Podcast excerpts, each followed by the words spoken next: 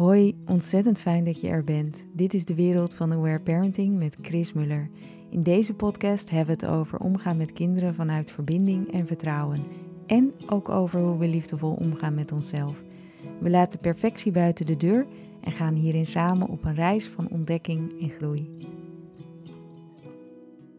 Deze eerste podcast wil ik het met je hebben over wat aware parenting eigenlijk is. Want uh, in de wereld van aware parenting gaan we het daarover hebben.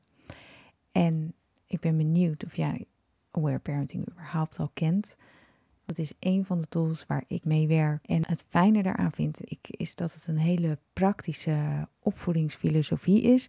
En het is niet een dogmatische methode hoe je met kinderen om moet gaan. Dus het, is niet, het schrijft niet soort standaard receptjes voor over hoe jij ouder moet zijn. Of hoe jij als professional met kinderen om moet gaan. Maar het is, een, ehm, het is meer een filosofie eigenlijk. En die is ontwikkeld door Aleta Scholter. En zij is in Zwitserland uh, geboren en later naar Amerika verhuisd. Psychologe. En zij ontwikkelde Aware Parenting. Haar eerste boek heet The Aware Baby. Inmiddels heeft ze zes boeken geschreven. Uh, ze heeft in het Nederlands heeft ze De Taal van Huilen, heb je nog. En je hebt Het Ongedwongen Kind. Haar andere boeken zijn niet vertaald. Dat zijn Attachment Play, Raising Drug-Free Kids en Healing Your Traumatized Child. En ik kan ze allemaal van harte aanraden, omdat het mooie, wat ik het echt het mooie vind van aware parenting, is dat het, um, ja, wat ik al zei, filosofie is, maar het gaat heel erg over uh, niet alleen kijken naar het kind, maar ook kijken naar onszelf. En daarin is, is vooral bewustzijn, dus awareness, belangrijk. Van wat gebeurt er eigenlijk bij ons? Wat zijn we aan het doen? Hoe gaan we met onze kinderen om? Hoe gaan we met onszelf om? Ja, en hoe hebben wij dat als kind geleerd? Hoe hebben wij als kind geleerd om met onze emoties om te gaan of met onze behoeften om te gaan?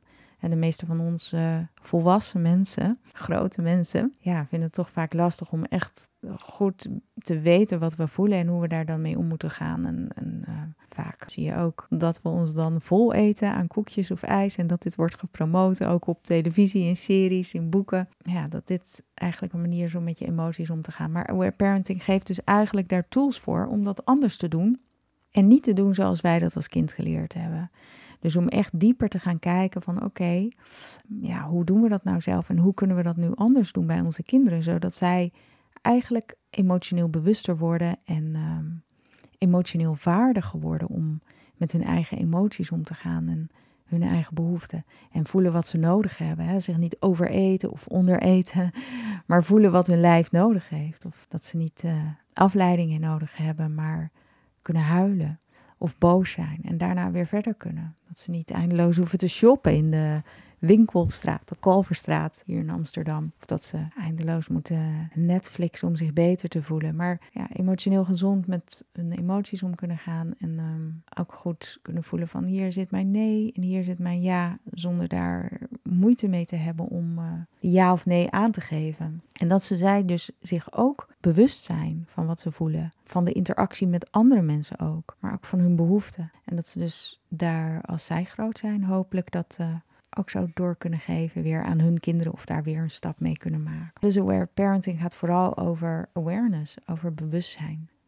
Het gaat dus niet over gedragsmatig, hoe ga je met kinderen om, ook. Er zitten praktische tips in, maar het gaat dieper dan dat. Dus het is geen trucje, zijn, zeg ik altijd. Het zijn geen uh, oppervlakkige uh, trucs die je uithaalt. Want als je een kind grootbrengt, dan ja, heb je als ouder vast wel gemerkt, maar ook als professional, dat het gaat om een relatie opbouwen. Dus je bouwt een relatie met een ander mens. Dat is meer dan een mens alleen op gedrag trainen en op gedrag sturen. En wat ik merk zijn eigenlijk dat heel veel uh, methoden van hoe je met ja, die voorschrijven hoe je met kinderen om moet gaan, zich veel meer alleen richten op dat gedrag en niet op dat diepere bewustzijn.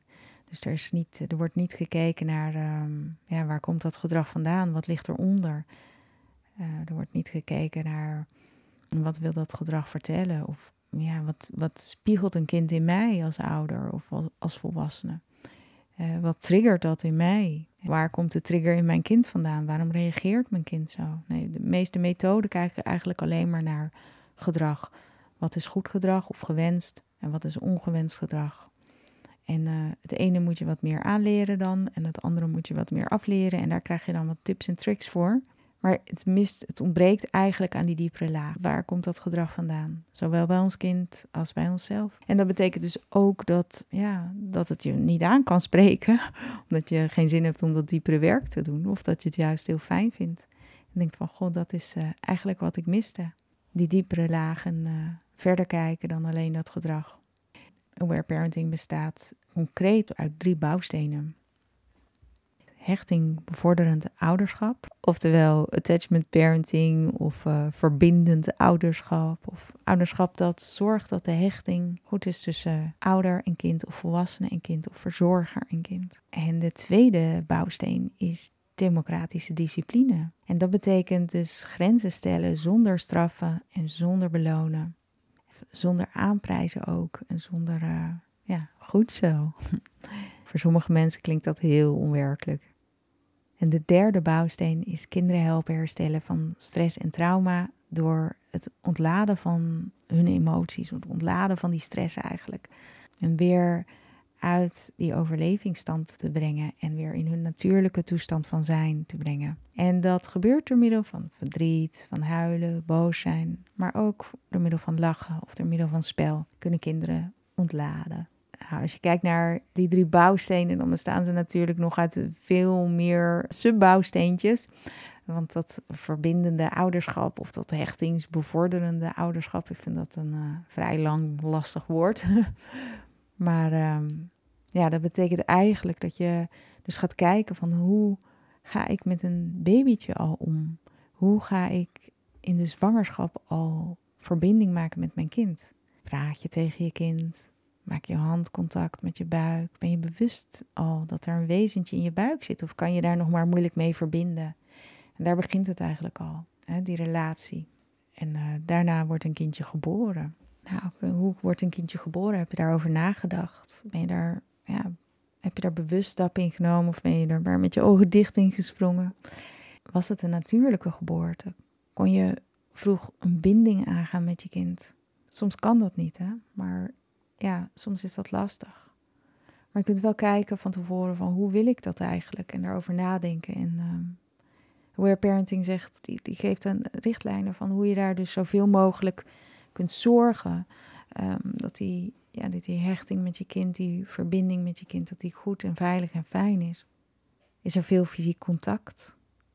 Of is je kindje vaak alleen en raak je je kindje weinig aan, eigenlijk alleen bij verschonen en af en toe eventjes een eye over de bol? Of is er juist veel fysiek contact, lichaamscontact, huid op huid? Ja, het is ontzettend ja, goed voor babytjes en voor hun gezondheid ook om uh, die huid op huid contact te hebben. Geef je borstvoeding op vraag van het kind of voeding op verzoek van het kind? En hoe lang? Geef je langborstvoeding, kon dat? Is er aandacht voor te huilen en directe aandacht ook als een kindje huilt?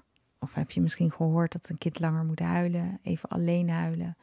Aware Parenting raadt dan aan om direct te reageren, om te zorgen dat die ja, verbinding goed is. Merk je dat je je af kunt stemmen op je kind of stem je af op een schema. En die afstemming op je kind die zorgt weer ook weer voor die veilige hechting en dat een kindje zich gehoord voelt al heel jong. Het zijn allemaal dingen die bijdragen aan een veilige hechting. En nog veel meer. Slaap je samen, bijvoorbeeld. Draag je baby. Het zijn een heleboel dingen die je kunt doen om te zorgen voor een veilige hechting democratische discipline. Oftewel, ja, niet straffen, niet belonen, niet aanprijzen, maar wel grenzen stellen. Betekent eigenlijk dat je dus geen time-outs ook geeft of uh, ja, kunstmatige consequenties, zoals uh, je krijgt geen toetje vanavond. Of als je je eten eet, opeet, dan krijg je wel een toetje, wat een beloning is. Wat eigenlijk gewoon een ja, omgekeerde straf is. Natuurlijk, weet je, kunnen die dingen wel gebeuren en kan het, eh, het kan zo lastig zijn om dit ja, het is zo'n andere manier van omgaan met kinderen die wij zelf vaak niet hebben meegekregen. Dus het kan zo lastig zijn om dit aan je kind te geven. En de, ja, de maatschappij steunt dit ook helemaal niet. Dus weet je, als je denkt van, oh, dit is echt anders bij mij gegaan. Of toen ik klein was, of met mijn kinderen kon ik het niet opbrengen. Dan wil ik je echt uitnodigen om heel veel compassie ook voor jezelf te hebben. En um, zacht te zijn naar jezelf, mild te zijn naar jezelf. Dus ja, het is echt um, de de guidelines zijn om de relatie met je kind op te bouwen en daarin te werken. En die niet die verbinding continu te verbreken. Dus vandaar ook niet het straffen of het belonen. Omdat je eigenlijk dan boven of tegenover een kind gaat staan, zeg ik altijd. Nou, dat betekent wel dat je grenzen stelt, maar dat doe je veel meer empathisch. Dus er is ook echt ruimte voor gevoel en voor begrip. Als een kind ja, dat, dat niet leuk vindt. Betekent ook dat, dat we naar onszelf kijken. Dus dat is ook belangrijk als je dat niet wilt voor je kinderen.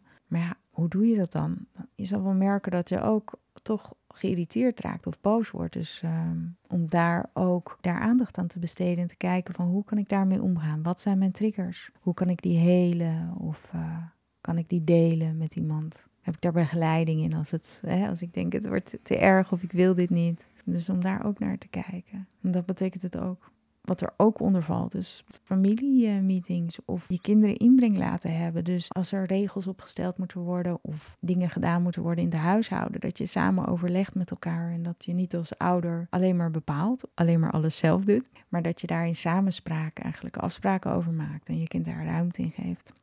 Het betekent dat je conflicten samen oplost en dat je niet dus vertelt als je ja, niet doet wat ik zeg, dan uh, moet je maar naar je kamer of dan moet je maar naar de time-out stoel of dan krijg je geen toetje. Maar om samen in conflicten ook, of op dat moment of daarna, gaat kijken naar hoe kunnen we dit samen oplossen. Eigenlijk zonder macht. Meer als een team, zeg ik altijd. En de derde, die is vind ik een van de grootste en een van de mooiste en ook een van de minst begrepen. Maar um, er is toch steeds meer aandacht voor.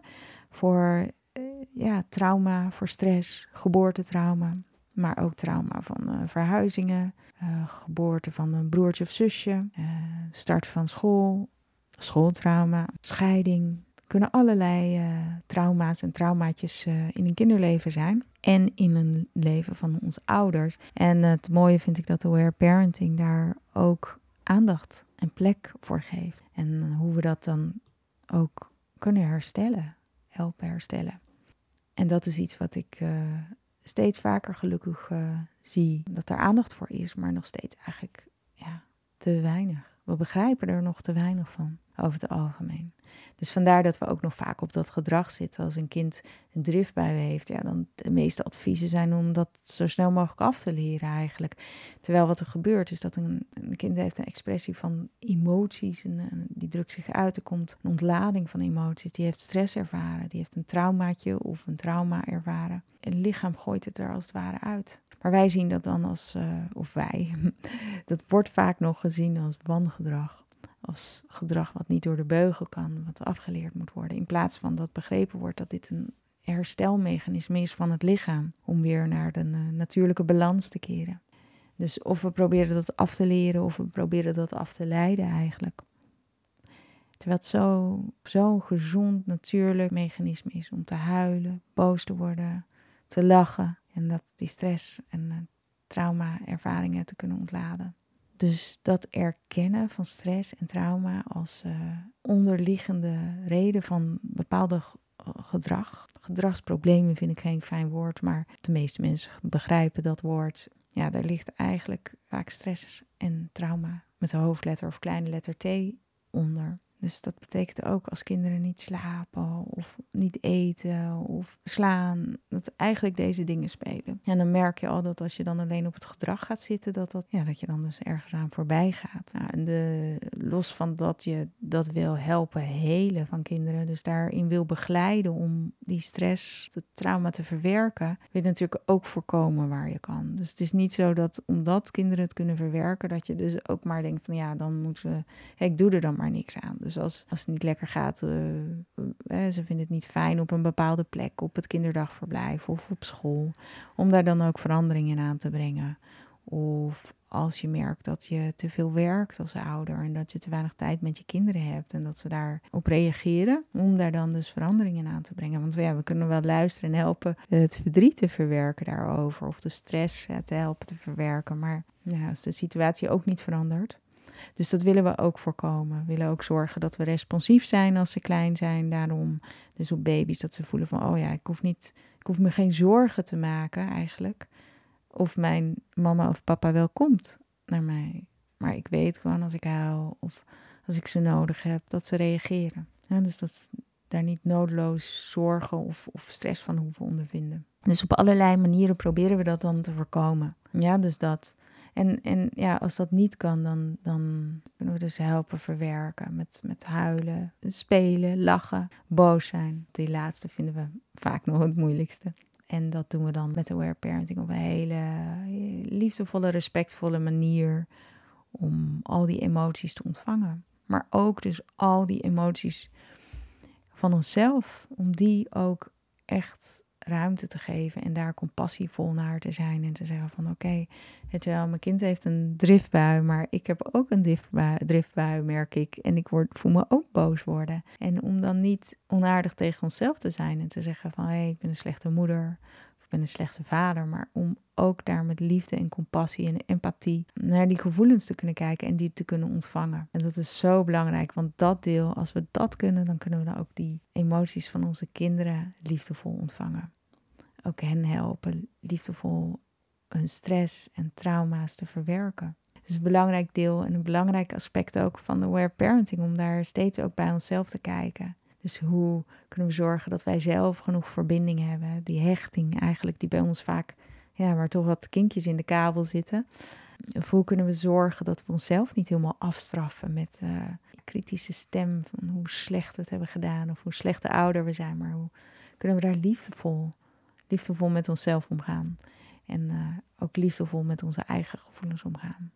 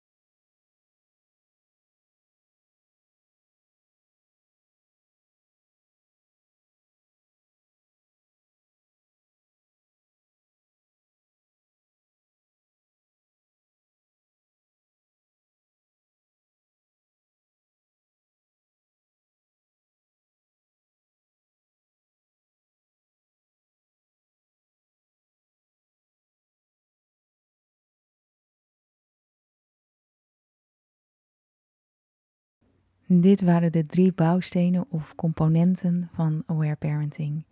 Veilige hechting, oftewel een veilige, fijne, vertrouwde relatie met je kind opbouwen. Tweede, democratische discipline, oftewel grenzen stellen zonder straffen, zonder belonen, zonder aanprijzen.